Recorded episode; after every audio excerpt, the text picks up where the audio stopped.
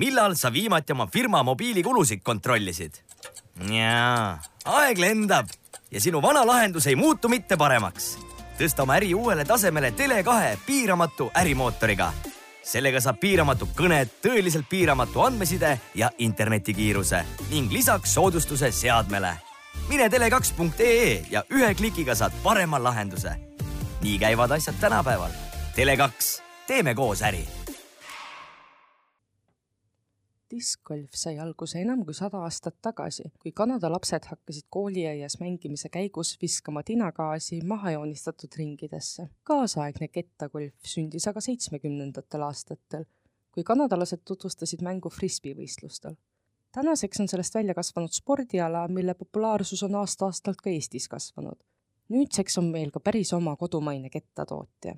tänases saates otsime vastust küsimusele, kuidas saab hobist äri räägime ühe kodumaise ettevõtte sündimise loo. mina olen Barbara Brigitta Oja ja te kuulate Postimehe saadet Raha Hääl. saates on külas diskgolfi ketaste tootja Disctroyer asutajad. tere, minu nimi on Alver Kivirütt, olen Eesti kettatootja Disctroyeri üks asutajaliige. ja tere, mina olen Kaspar Lillmaa ja samuti siis samas ettevõttes samamoodi asutajaliige. tahakski alustuseks teada, et kuidas te jõudsite discgolfini ja kuidas teil tuli mõte hakata ise Eestis kettaid tootma? ma usun, et minul on see ajalugu discgolfiga natuke pikem. et esimest korda mina kuulsin discgolfist aastal kaks tuhat kolmteist. Äh, elasin Tartus ja nägin Aktuaalses Kaameras, kuidas Tartusse püstitati discgolfi rada. ja kuna ma varem ei olnud sellest alast mitte midagi kuulnud, siis võtsin ratta, sõitsin Dendro parki laenutasin kaks ketast ja proovisin järgi, mis alaga tegemist on. ja, ja peale seda hakkasin mängima. alguses iganädalaselt, hiljem igapäevaselt. ja nii ta läks, siis hiljem tulid võistlused juurde ja, ja mina sain selle pisiku sealt. kust mõte üldse ketaste tegemise poole liikus, oli see, et, et esimene aasta kindlasti sellist mõtet ei olnud, aga mida rohkem sa selle mängu sees oled, seda rohkem sa saad aru nende ketaste lendamise loogikast ja, ja kohati paraku ka ebaloogikast. et, et kui ma poest ostsin ühe ketta, ühe mudeli siis, ja see lendas ühtemoodi, kaotasin selle ära ja kaks kuud hiljem ostsin järgmise, sama mudeli, aga see lendas totaalselt teistmoodi, siis minul tekkis küsimus, et miks. et mudel on üks, lennunumbrid on ühed, aga ketas lendab totaalselt erinevalt ja, ja sealt see esimene mõte nagu tuli, et, et miks nii on ja, ja kas saaks teha kuidagi teistmoodi. ja, ja see, see esimene mõttevälgatus oligi seal, kui ma olin mõned aastad mänginud. aga, aga sellest siis jah, reaalselt idee teostamiseni kulus päris pikk aeg veel.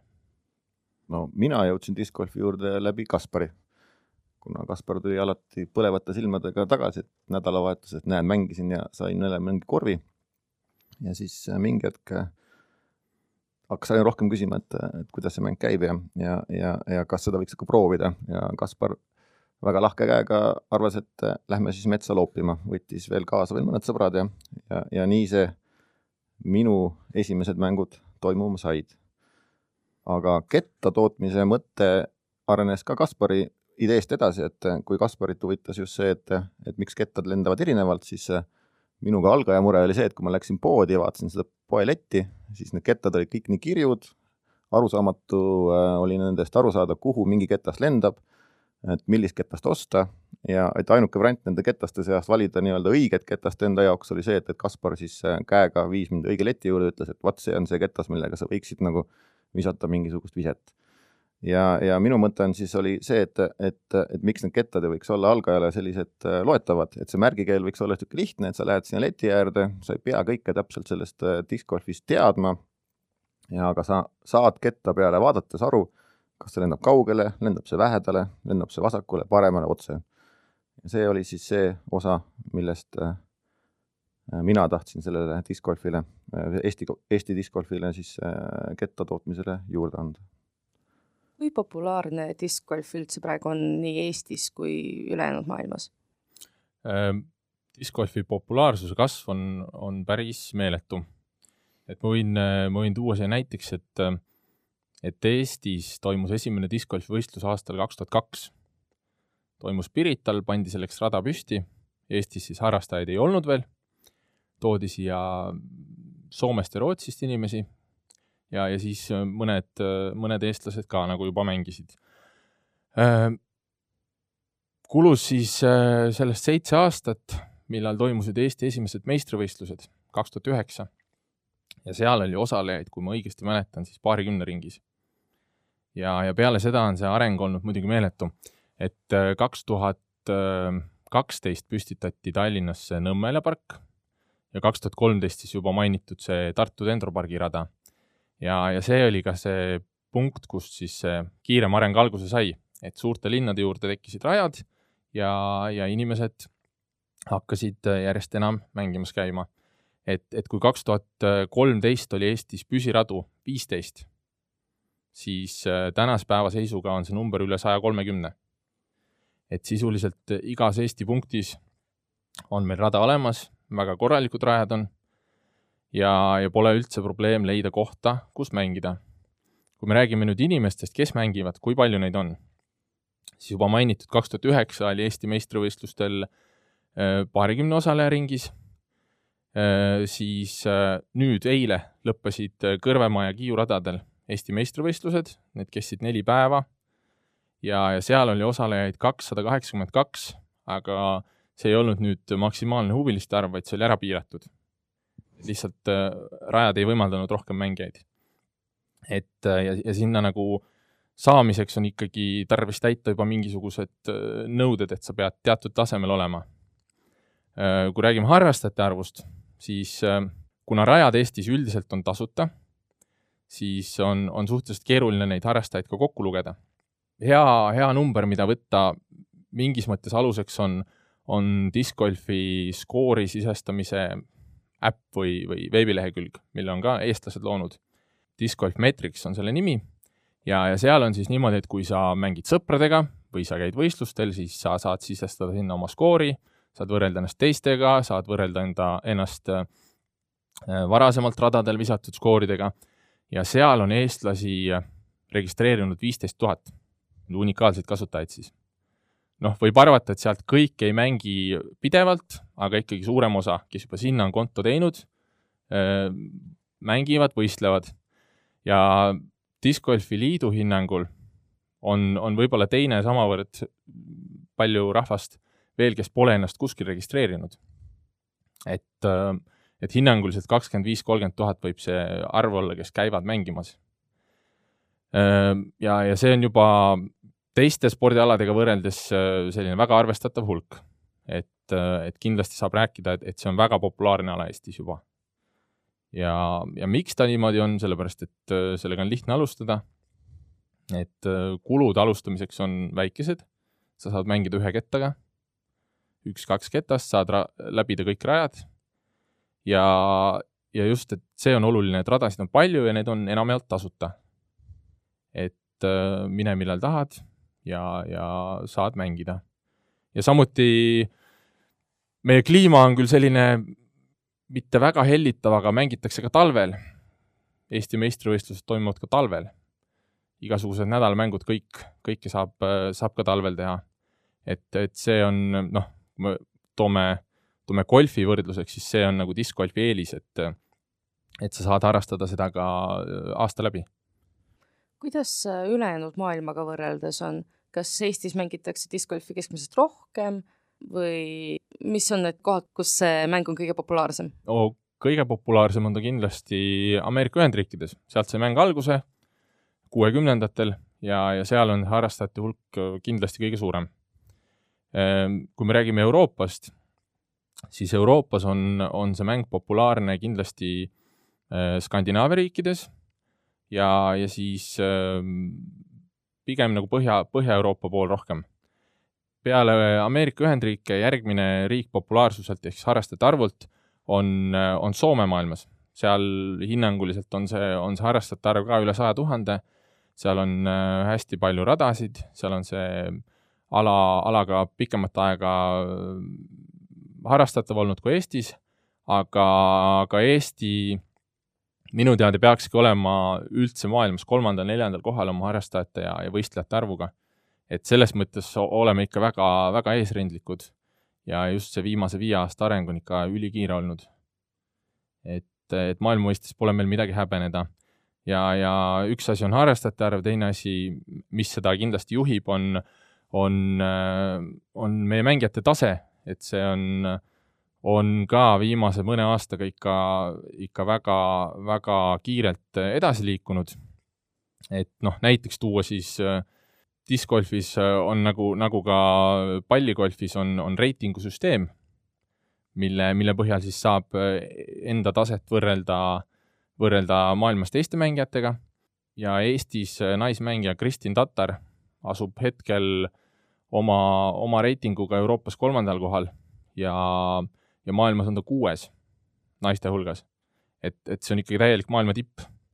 ja, ja kui meestest rääkida, siis äh, siis seal äh, USA mängijaid on muidugi hästi palju ees kõrge reitinguga, kuna see ala on seal, seal pikalt mängitud, siis äh, Euroopas on, on ka Eesti mehi kahekümne sees paar tükki, et, et see on ikkagi väga arvestatav tase ja ja, ja kui sa nii kõrgel juba mängid, siis, siis sinu, sinu oskused võimaldavad igal võistlusel maailma tippudega heidelda ja sinna esikolmikusse tulla, et et see on ikkagi täi-, täiesti tipp juba aga kuidas saab ühest hobist ettevõtte?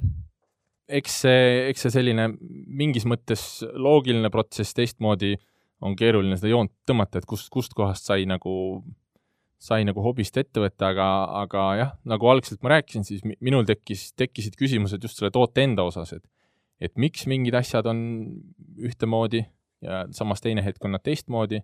hakkasin uurima, kuna üksi on keeruline asju teha, siis ikka rääg-, räägid inimestega ja, ja kui algselt oli mingisugune mõte käis läbi, et võiks ise ka proovida, siis, siis see esimene reaktsioon sõpradelt, tuttavatelt, kellega ma rääkisin, oli, oli pigem selline, et noh, see ei ole väga reaalne ja ei ole nagu mõtet proovida.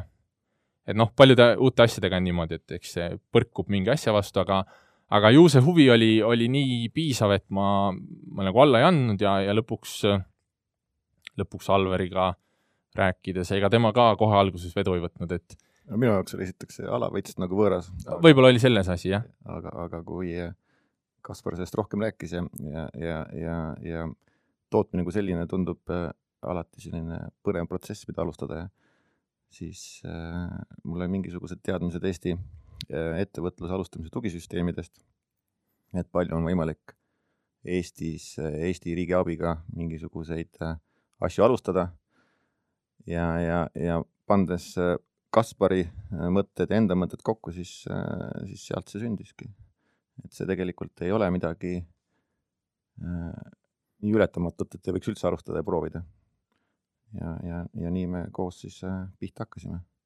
kõigepealt siis äh, mõte lauale ja, ja teiseks siis edasi, et, et, et kust me siis saame enda mm, üles tulnud küsimustele vastused, et Kaspar eelkõige, eelkõige nendele, et et kas sellest äh, ketta tootmisest saab teha tootmine selline, et ketas oleks alati stabiilne tootmisprotsessiliselt ja, ja, ja minu pool siis see, et et ma lähen poodi, siis ma ikkagi saan letile vaadates aru, kas see ketas, äh, kuhu see lendab.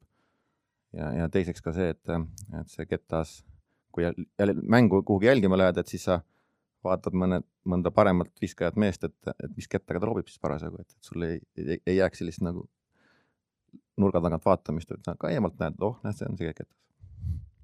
Teie esimene ketas jõudis alles äsja turule. tegelikult on seal taga ju aastatepikkune töö. kuidas see protsess välja nägi? See on tõesti aastatepikkune, et kui me seda Kaspariga, kaks pool aastat tagasi äkki. kolm juba. kolm juba, jah. kolm aastat tagasi laua taga mõtlesime, siis kui keegi oleks ütelnud, et me selle ketta saame turule tuua alles kolme aasta pärast, siis arvatavasti me oleks ka sealt laiali jooksnud, et et eks see, eks see protsess iseenesest oli selline äh, konarlik jah, ja, ja, ja igasugustest ettearvamatustest pungil täis. aga eeskätt toimus äh, sellisest äh, tugevast tahtest ja üksteisele selliste tarkade või siis ausate küsimuste esitamise äh, käigus, et et äh, eks me ikka aeg-ajalt küsisime üksteiselt, et no kuidas tunne on, et, et kas me siit läheme edasi ja, ja siis paraku oli niimoodi, et või õnneks oli niimoodi, et ühel oli parasjagu siis motivatsioon laest, kui teisel all oli ja, ja nii see asi edasi jõudis, jah. Et, äh, et kindlasti oli ka selle protsessi käigus ka sellist äh, meeldivat, meeldivaid olukordi, mis motiveerisid edasi tegema, et juba see Eesti mm, ettevõtluse või, või siis ka kogu selle ringkonna nagu koostööaldisus on tegelikult päris, päris tugev, et et kui sa lähed äh, kellegi käest küsima, siis ikkagi väga äh, hästi võetakse vastu ja, ja, ja, ja palutakse ja aidatakse ja, ja, ja, ja sealt need, ähm, sealt see julgus tuleb kogu aeg, et edasi minna, et mitte nagu jätta see asi kuhugi seisma pärast seda, kui sa avastad, et jälle midagi äh, ei toimi mis need peamised takistused olid ja kuidas te need ületasite? tootmise poole pealt äh, takistus võib-olla oligi see, et seda pole varem Eestis tehtud. et äh, noh, meie jaoks olid olulised seal teatud kindlad asjad, selle toote kaal, et see jaotuks seal ühtlaselt, noh, täpsemalt, täpsemalt veel ei hakkagi siin tehnilise juttu rääkima, et, et see oli nagu oluline, aga samas äh, tihti tuli välja, et, et taoliste asjadega ei oldud nagu kokku puututud, et nii, nii detailselt on, on midagi tarvis nagu paika saada. aga samas nagu oligi tore näha, et, et äh, need inimesed, kellega me koostööd tegime, et neid nagu ennast ka sütitas pigem see, et selline väljakutse on, et, et ei visatud nagu nurka, vaid pigem pakutigi ise ideid, et kuidas selle tulemuseni jõuda. et, et see nagu oligi see positiivne asi, mis, mis nagu hoidis meid ka ree peal, et, et, et me ei pidanud nagu ise kõike välja mõtlema, vaid need inimesed, kes seda tootmist meil aitasid korraldada, et nemad, nemad nagu mõtlesid kaasa.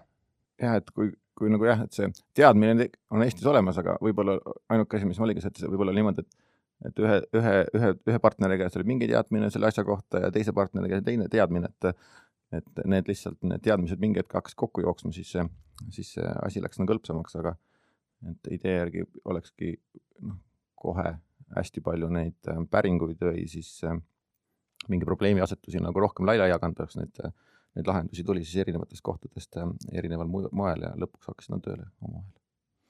Te hakkasite tootma selliseid kettaid, mida teile endale meeldiks kasutada. Te tegite midagi sellepärast, et ei olnud otseselt puudust ketastest, vaid sellistest ketastest, mida te ise näha tahaksite ja kindlasti, kui me lähme poodi, võtame mingi spordipoe, siis seal ketaste puuduse üle nagu ei saa kurta. Ja, ja konkurentid on kõik väga tublid ja väga pika ajalooga ka, et, et seal nagu pole küsimustki, noh. mis nagu meie mõte oligi natuke teistmoodi teha või proovida teha, oli üks see, see toodete kvaliteedi tagamine siis partiide lõikes ja teine, nagu Alver välja tõi, just see märgikeel ja, ja, ja arusaamine ka igal tasemel inimese jaoks, et, et, et seal oleks mingi lihtne loogika taga. et, et seal me nägime, et võiks olla see koht, mis, mis ei ole veel nagu turul täidetud. et äh, muidu tootjaid jaa, on, on turul palju ja, ja, ja kõik teevad väga tublit tööd. kes on peamised ketaste tootjad ja kes on Eestis kõige populaarsemad? peamised tootjad tulevad ikkagi Ameerika Ühendriikidest, kuna seal on see ala kõige, kõige vanem. Ja, ja kindlasti on, on ka Skandinaavias, Rootsis on üks suur tootja, Latitude kuuskümmend neli, siis Soomes on tootjaid. ja noh, üldiselt see ikkagi jagunebki nii, et kus on mängijaid, seal, seal ka toodetakse, et, et Eestis niimoodi suuremaid või kasutatavaid brände, noh kindlasti ongi needsamad äh, USA suured tootjad Innova, Discraft, Prodigy Disk, siis äh, ongi see rootslaste Latitude ja, ja nendega, et nüüd öelda, et ühte kindlasti eelistatakse, seda kindlasti ei ole. et äh, mängivad meie tipud erinevate, noh, kes siis on mis tehase, tehase meeskonnas äh,, aga on erinevates ja, ja harrastajad samamoodi, et kellele, kellele mis nagu meeldib kuidas sündis teie bränd, ma saan aru, et see on väga tugevalt just sellele märgikeelele siis ühe, üles ehitatud. Kui palju mõttetööd sinna taha läks, kas see oli juba algusest peale, kui esimene mõte tuli, oli selge, et see on see, mida te teha tahate või on see ka pigem selline hiljutine areng? kindlasti ei olnud bränd äh, olemas siis, kui me selle ketta tegemise mõtte juurde tulime, et äh, bränd tekkis selle käigus ja me võtsime selleks ikkagi ka professionaalset abi, et, et see ei ole nüüd äh, meie enda laua peal valmis joonistatud. küll aga see on jah, meie koostöös tehtud mõtteid, kuidas ennast eristada olemasolevatest ketastest ja kettatootjatest oli erinevaid see bränd siis, meie Destroyer bränd äh, kõnetas siis meid kõige rohkem. et jaa, et meil oli seal äh, selles mõttes äh, koostööpartnereid, kellega me seda otsisime, seda õiget teed ja seal lahendusi oli jah mitmeid, aga, aga võib-olla võluski meid selle puhul just see lõplik see lihtsus või, või et see tõesti nagu, tõesti seal ei ole väga, väga palju baasteadmisi tarvis, et sa, keegi sulle ühe korra ära räägib selle, siis sa saadki aru juba. et see jah, et see brändi nimi ja kogu see kontseptsioon seal taga on, andis siis selle märgikeele lihtsuse juurde sinna, et sealt see otsus tuli. Kui rääkida just sellest samast hobist ettevõtte loomiseni äh,, siis mis on olnud need äh, kõige suuremad rõõmud sellel teekonnal? no kindlasti ongi see inimeste vastutulelikkus, ma ei tea, kas see on õige sõna, aga just see, et neid nagu ennast on ka see mõte midagi, midagi siin kohapeal teha, välja mõelda, on nagu sütitanud, nad on ise ideid pakkunud, et, et sa näed, et see tõmbab ka nagu teisi kaasa. et see on, see on asi, mis nagu on, on andnud sellist indu teha ka endale juurde. ja just see, et me oleme sütitanud teisi ka, et, et nad äh, lähevad ise ka põlema, kui kuulevad ideed, et midagi Eestis toota, et see on, on, on kõigile osapooltele tundunud nagu väga, väga vahva ja teine asi see, et, et et, et see ei ole, et see on nagu täiesti nullist mingisuguse brändi ja tootmise ülesehitamine, et, et see, et, et see hakkas nagu sisuliselt ideest kuni siis ettevõtte loomine, et, et see, see protsess või selline asi on mõjutanud nagu ka teisi osapooli väga innustavalt ja nad äh, on nagu kaasa äh, tulnud äh, sellise agarusega. ja võib-olla lisaks ka siia seda ka, et, et, et meil äh, võib-olla üks asi on julgus, teine asi on see, et, et see vahendid, kuidas seda ettevõtlust nagu Eestis luua. et, et ka see on äh, olnud äh,, ei ole olnud ka väga, väga, ütleme, väga raske. Et, et Eestis on see tugisüsteem olemas riigi poolt, et kuidas ettevõtlust alustada. et kui sul ikka idee on olemas, siis äh, uurida natukene riigipoolseid äh, tugiüksuseid ja, ja, ja see annab nagu äh, julgust ja võimalust nagu päris kaugele edasi minna mis oleks need peamised nõuanded, mida te annaksite teistele inimestele, kes näevad Eestil turul tühja kohta ja mõtlevad, et teeks ise midagi, hakkaks ise midagi tootma siin? kindlalt äh, julgus peale hakata. Mm, kui on, äh, kui ei tee üksi, teed kellegagi kahekesi või kolmekesi, siis äh, mind ennast kindlasti aitas selle juures ka üksteisele ausate küsimuste esitamine, et et, et ei tohiks jätta mingisuguseid asju kuhugi äh, Äh, pea taha või kuhugi äh, tuksuma, need tuleks üksteise käest ära küsida, et kas see on nii ikka, äh, kas, kas, kas me peaksime ikka niimoodi tegema või, või, või peame ikka teistmoodi tegema, et, et see, see, see kindlasti alati ausalt lauale tuua alati. ja, ja kindlasti inimestega suhtlemine, nõu küsimine, et seda nagu ei tohi kindlasti karta. et, et tuleb, tuleb häid mõtteid, ei tule nii häid mõtteid, aga, aga kindlasti saad nagu ise, ise sealt äh, ideid jälle, et kuidas, kuidas ja millega edasi minna. et, et kui lihtsalt ise jääda nokitsema, et siis, siis sa oma, oma mõtete ringi lihtsalt mingi hetk jääd, jääd, jääd nagu, ei saa sealt välja. ja, ja teine asi on see, et, et kui midagi hakata tegema, et siis pikemad plaanid peavad olema, aga, aga ärge nagu väga pikalt ette mõelge, et pigem hakake tegutsema, et, et muidu noh, täpselt nagu meie puhul, et kui me oleks, kui me oleks suutnud kõik läbi mõelda, et see ketas jõuab turule kolme aasta pärast, siis võib-olla me oleks loobunud kohe sellest. et, et just see, kui on tahe midagi teha, siis, siis hakake kuskilt otsast pihta ja eks siis näha ole. ja muidugi noh, et planeerimist ei tohiks ikkagi ära unustada, et planeerima ikka peab aga, aga tõesti, et see detailsus, no meie planeet, plaanidest, algsete, algsetest plaanidest, kui vaatame seda, et see detailsus, mis me algul tegime, tegelikult sealt tänasest nagu väga palju nagu ei, ei, ei, ei järgi jäänud, et, et eks me oleme kõik ümber teinud kogu aeg. innustamise koha pealt ma tahtsin juurde lisada seda, et, et kindlasti innustab ju see ka, et, et meil see ketast lõpuks käes on.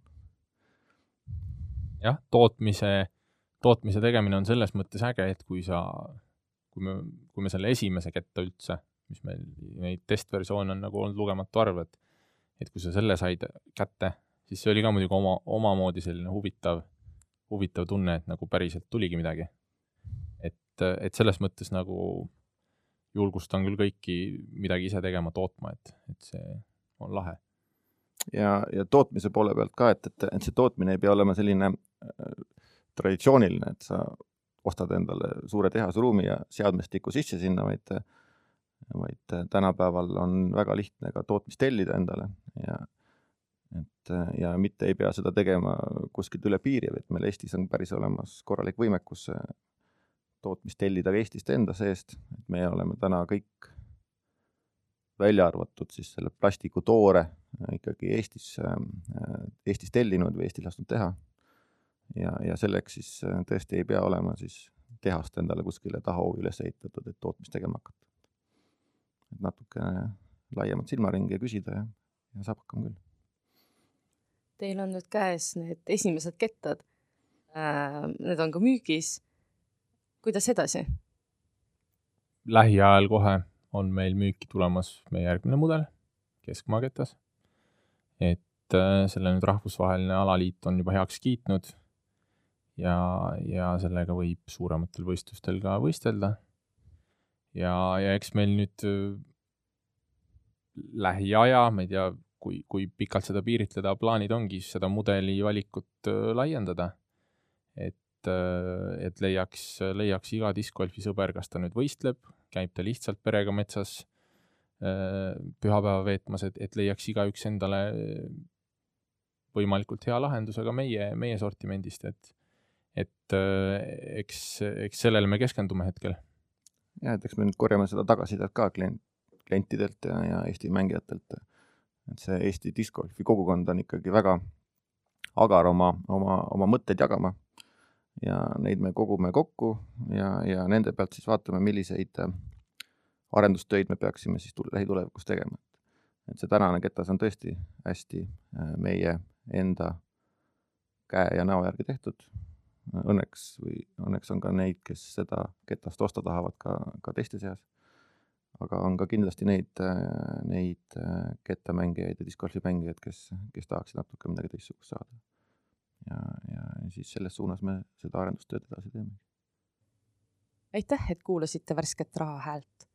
uue saate võib juba kahe nädala pärast leida Postimehe veebis, Kuku podcasti keskkonnas, iTunesis ja Spotify's